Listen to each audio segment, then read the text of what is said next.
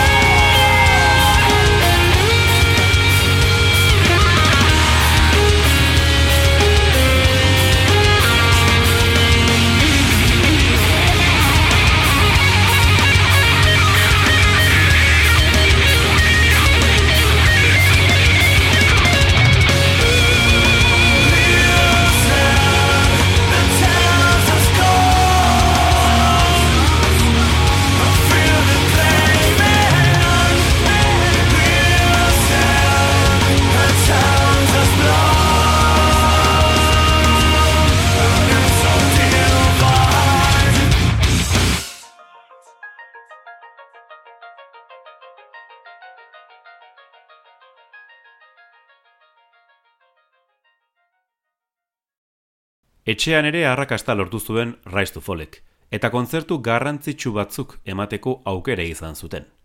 2000 eta amaikan, kontzertu bira bat egin zuten Japonian, eta han ere estimatzen zituztela berretxi al izan zuten. Horrez gain, boskoteak aldaketa bat izan zuen. Inigo López basu jotzaileak utzi, eta Asis Rodríguezek hartu zuen haren lekua. Taldea berrituta, 2000 eta amabian aurkeztu zuten Defying the Gods bigarren lana. Horengoan, Italiako The Metal House Studiosetan egin zituzten grabazio, nahasketa eta masterizazio lanak. Desafioak bere fruituak eman zituen. Ona hemen, Whispers of Hope.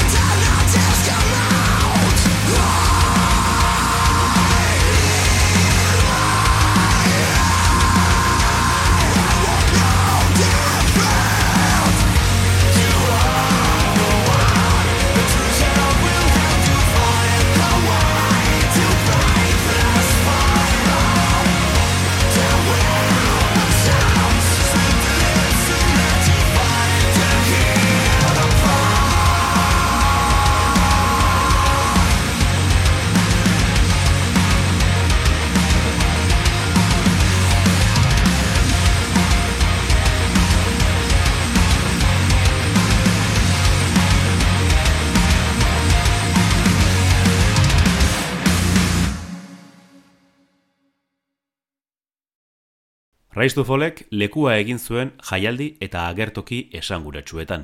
2000 eta amairuko Resurrection Fest festivalean jotzeko aukera izan zuten. Era berean, diskoak izandako harrera onari esker, Soilwork, Il Niño eta Biohazard taldeen gonbidatu gisa aritu ziren. Eta hurrengo bi urtetan, Ukrainan, Errusian eta Suedian kontzertuak eman zituzten. Hau duzue bigarren diskoko beste abesti bat. Decoding Reality. Thank you.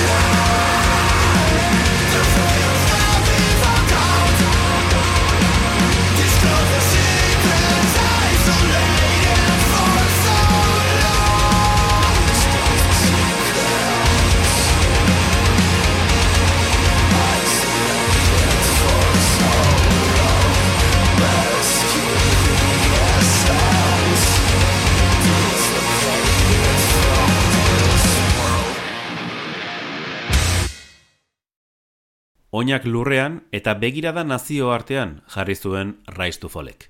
Sopelatik mundura egiteko proposamena denboran landu zuten, eta hirugarren diskoarekin beste maila batera iritsi ziren. Bukaera baten hasiera izan zen 2000 eta amabosteko End versus Beginning lana. Bide propioa egiten hasi ziren, melode zeremuan nabarmentzeko.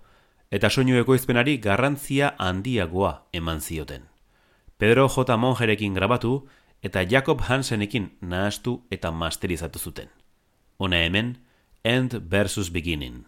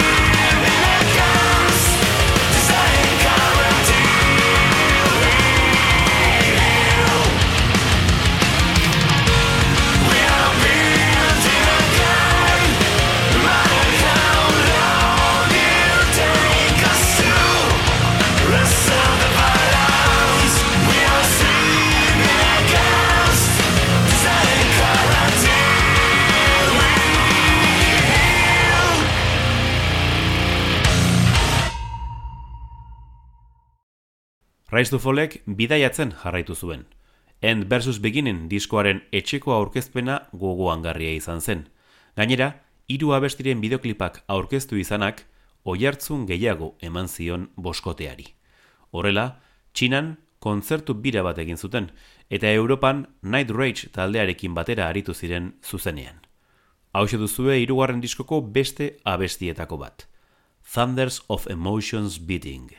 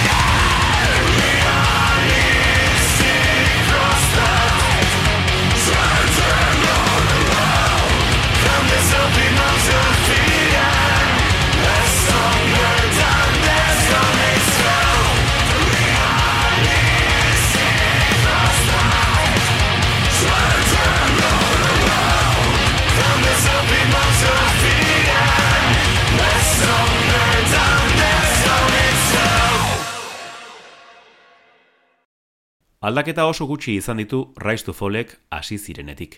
Basu jotzailearen postua izan da bitan aldatu behar izan dutena.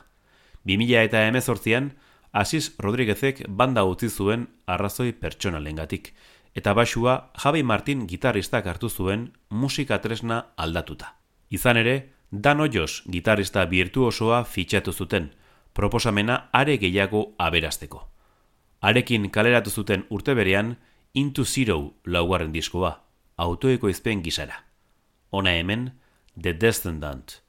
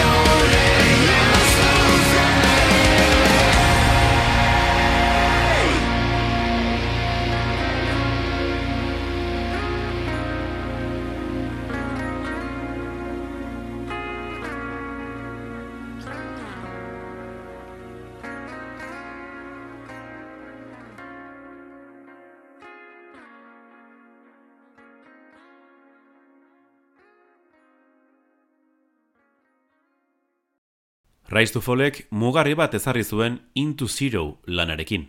Ordura arteko borobilena zela ebatzi zuten kritikari askok, luzeena izatearekin batera. melodez modernoa beste osagaiekin freskatzeko gai zirela erakutsi zuten. Diskoaren kontzeptuari dagokionez, lurraren eta bertan bizi direnen etorkizuna bermatu nahi duen izaki gorenaren istorioari jarraipena eman zioten. Amore eman zuen izaki gorenak, baina berriz ere bueltatu zen mundua salbatzera. Hau duzue, lan horretako beste kanta bat. Virgin Land.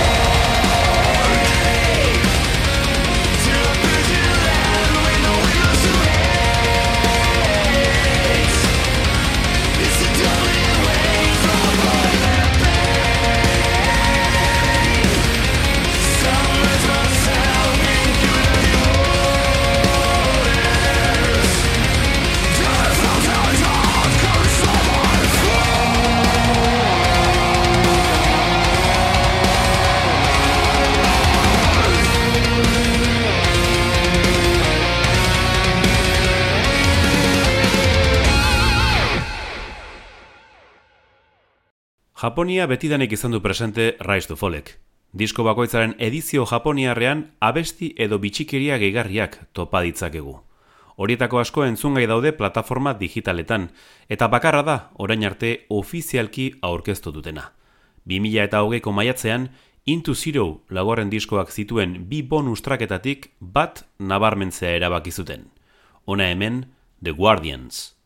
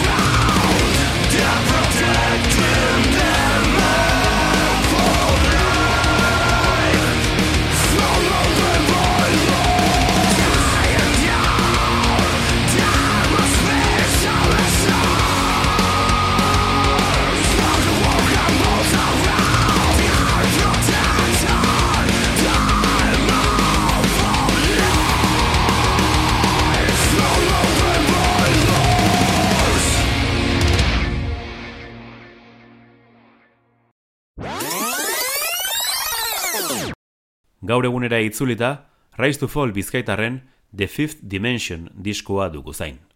Pandemiak baldintzatu eta oztopatu zuen arren, osorik iritsi da gure belarrietara. Noble Demon diskoetxea Alemaniararekin sinatu izanak, berriz ere auspotu du taldea nazio artean.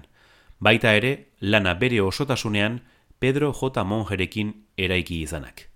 Oinak etxean dituztelako.